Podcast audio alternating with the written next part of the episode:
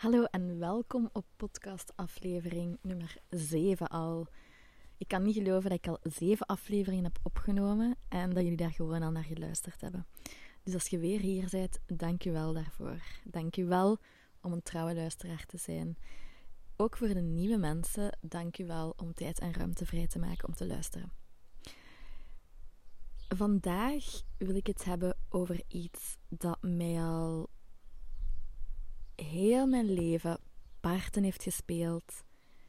Het is al veel beter door al het innerlijk werk dat ik heb gedaan, maar healing gebeurt in lagen. En dus soms, als ik bepaalde dingen doe, zoals iets nieuw lanceer of um, ja, uit mijn comfortzone kom, dan kan dat nog wel eens opspelen.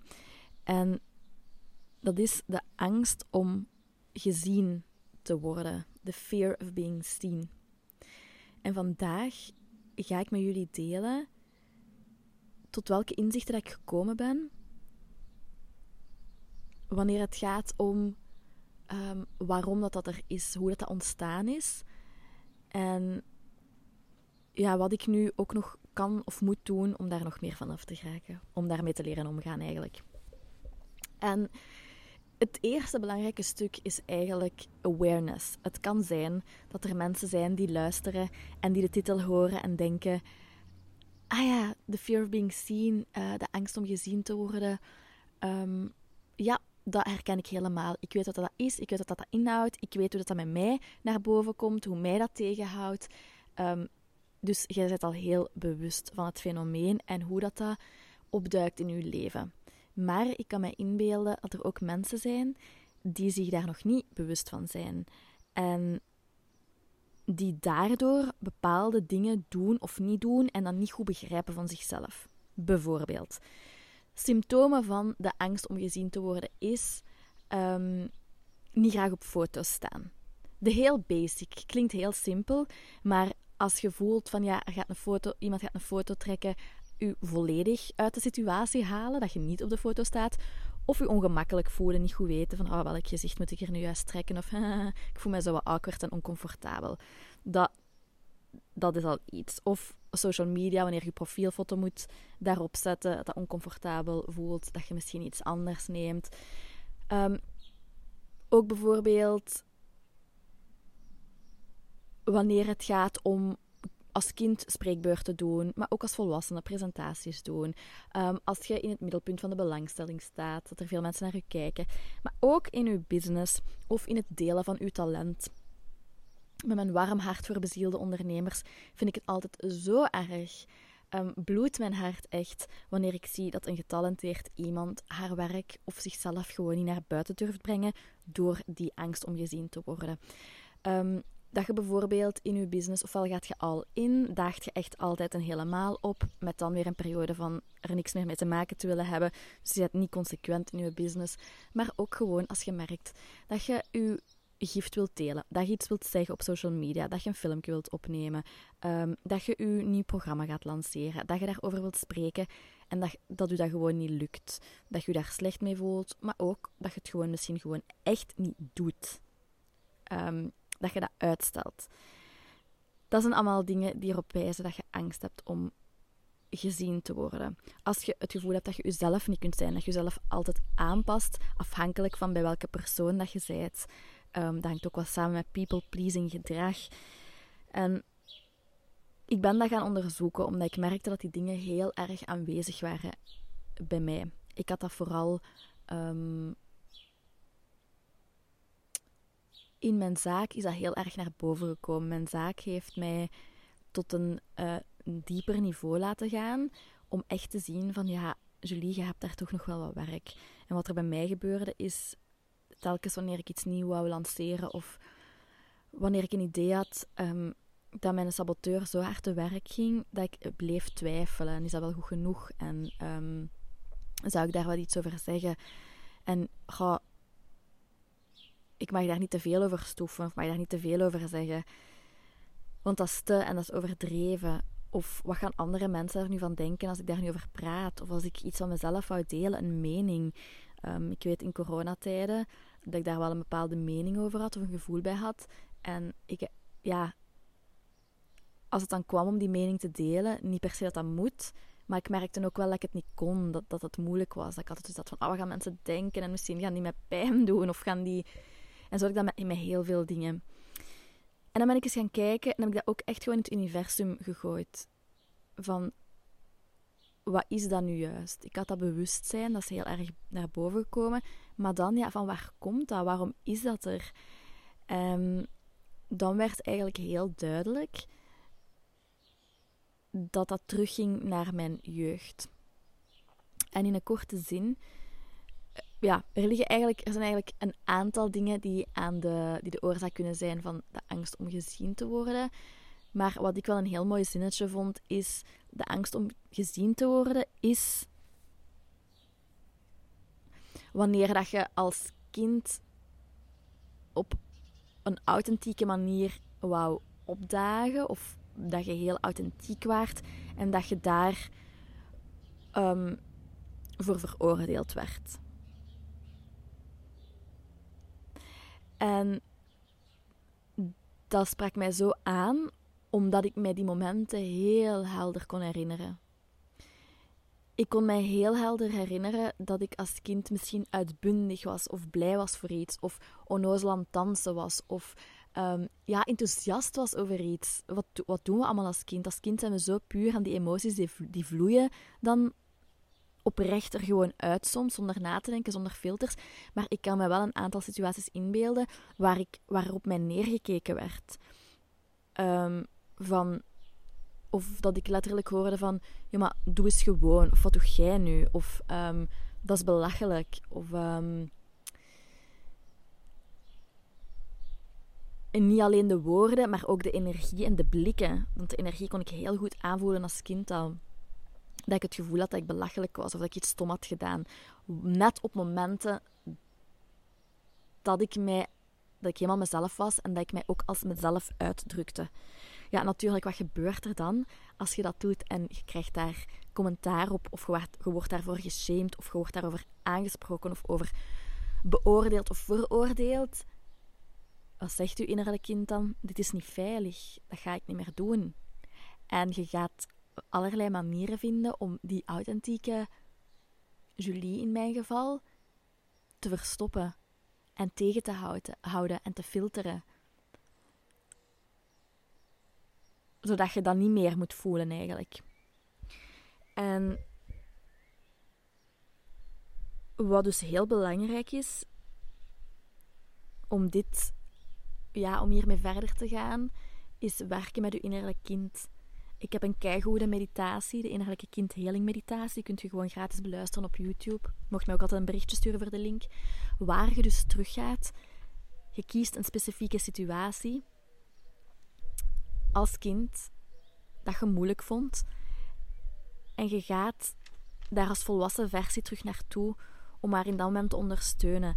Tijd is niet lineair, dus als je teruggaat in de tijd, energetisch of via gedachten, dan um, gebeurt er iets heel moois. Je, je, geneest, je heelt over de hele lijn, dus je geneest je innerlijk kind daar in die tijd en die ruimte. Dus je trekt dat ook door naar hier, waardoor je je hier heelt. En je in staat gaat zijn om wel bepaalde acties te ondernemen. Dingen dat je hebt laten liggen, dingen dat je niet durft, om dat nu wel te kunnen. Um, dus daarom hou ik echt van innerlijk kindwerk. Gebruik ik dat ook in mijn reiki-sessies.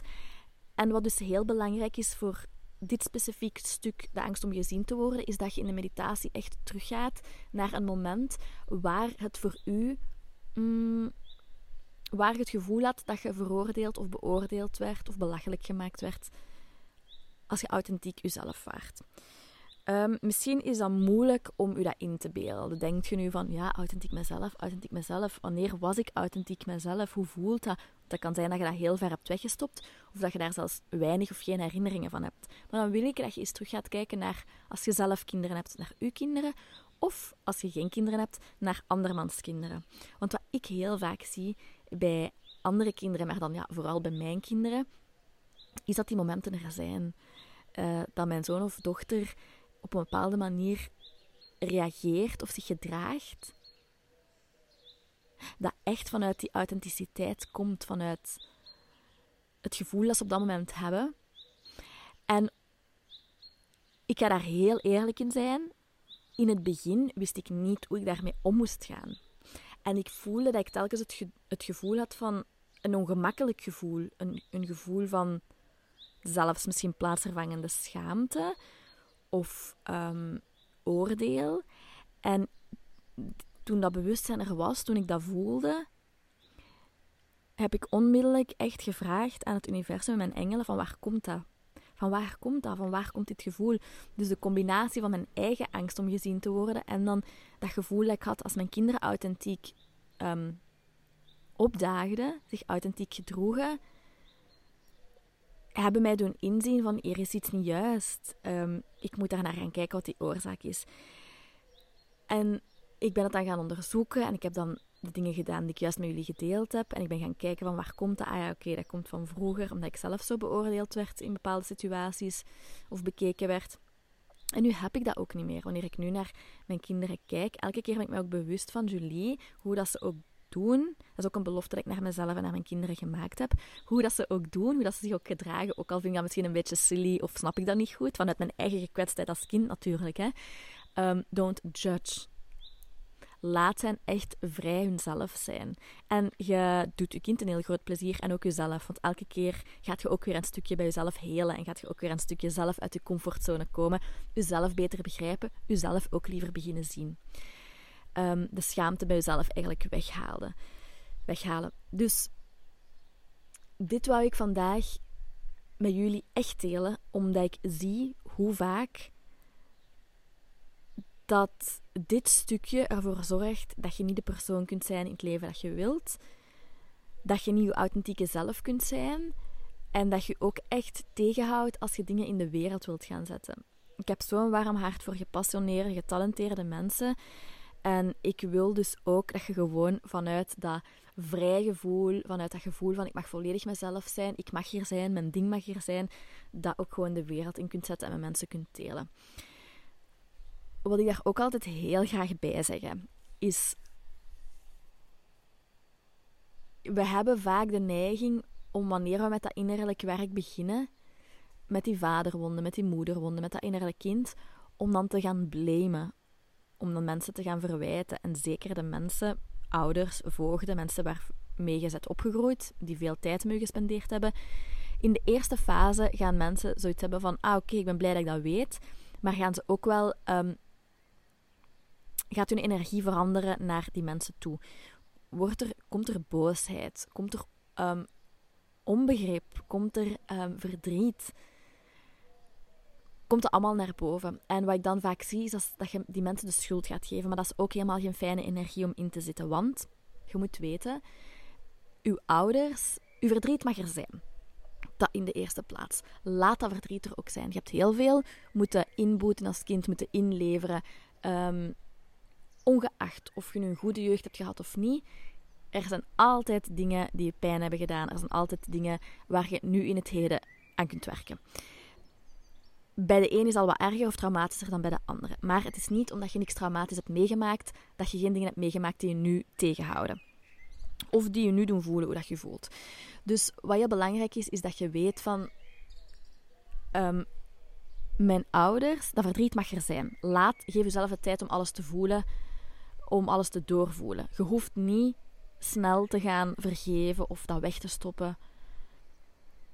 Je mocht dat voelen. Maar daarna vind ik het wel belangrijk dat ik ook wel ga kijken van... Oké, mijn ouders hebben wel echt gehandeld vanuit het beste wat ze konden. Met ook al hun innerlijke kindwonden en al, al hun schaduwen en al hun angsten en alle dingen dat ze nog niet wisten. En dat maakt dat je weer wat milder kunt zijn, dat je dat ook in je lichaam kunt voelen. En dat je misschien nog niet per se moet of kunt vergeven, maar dat er wel wat energetisch ruimte wordt gemaakt.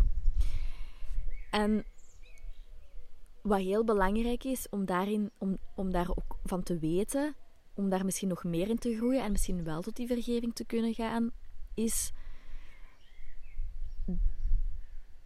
dat Um, ik ben even aan het nadenken hoe ik dat ga zeggen.